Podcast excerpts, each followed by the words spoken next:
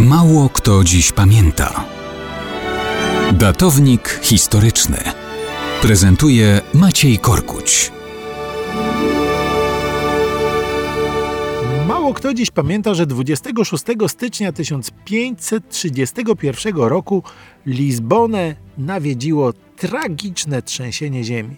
Straty mieszkańców liczono w tysiącach, ale to i tak było nic w porównaniu z trzęsieniem ziemi w tym samym miejscu z 1755 roku. Wówczas epicentrum było na Atlantyku, kilkaset kilometrów zaledwie od Lizbony. Siła wstrząsu była tak wielka, że całe wybrzeże Portugalii nawiedziła fala tsunami. Najpierw wody cofnęły się tak gwałtownie, że daleko od brzegu ukazało się dno. I z tym większą siłą woda zaraz powróciła w postaci ponad 20-metrowej fali.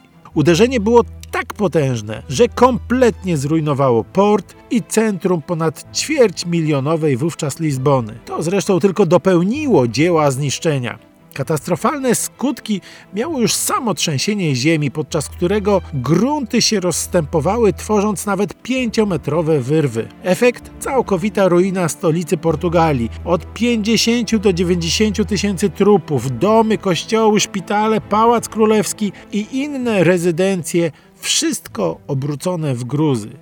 Ciąg dalszy to chaos po cofnięciu się fali.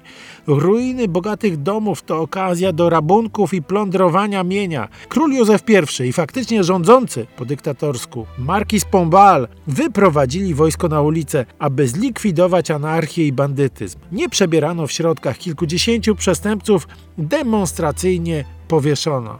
Zorganizowano grzebanie ofiar, żeby uniknąć zarazy. Zbudowano liczne prowizoryczne niby mieszkania dla poszkodowanych. W rzeczywistości były to wojskowe namioty. I dopiero po tym kataklizmie w XVIII wieku Lizbonę podniesiono z ruin, wytyczając jej nowy plan. Ten, który jako turyści możemy zobaczyć dzisiaj.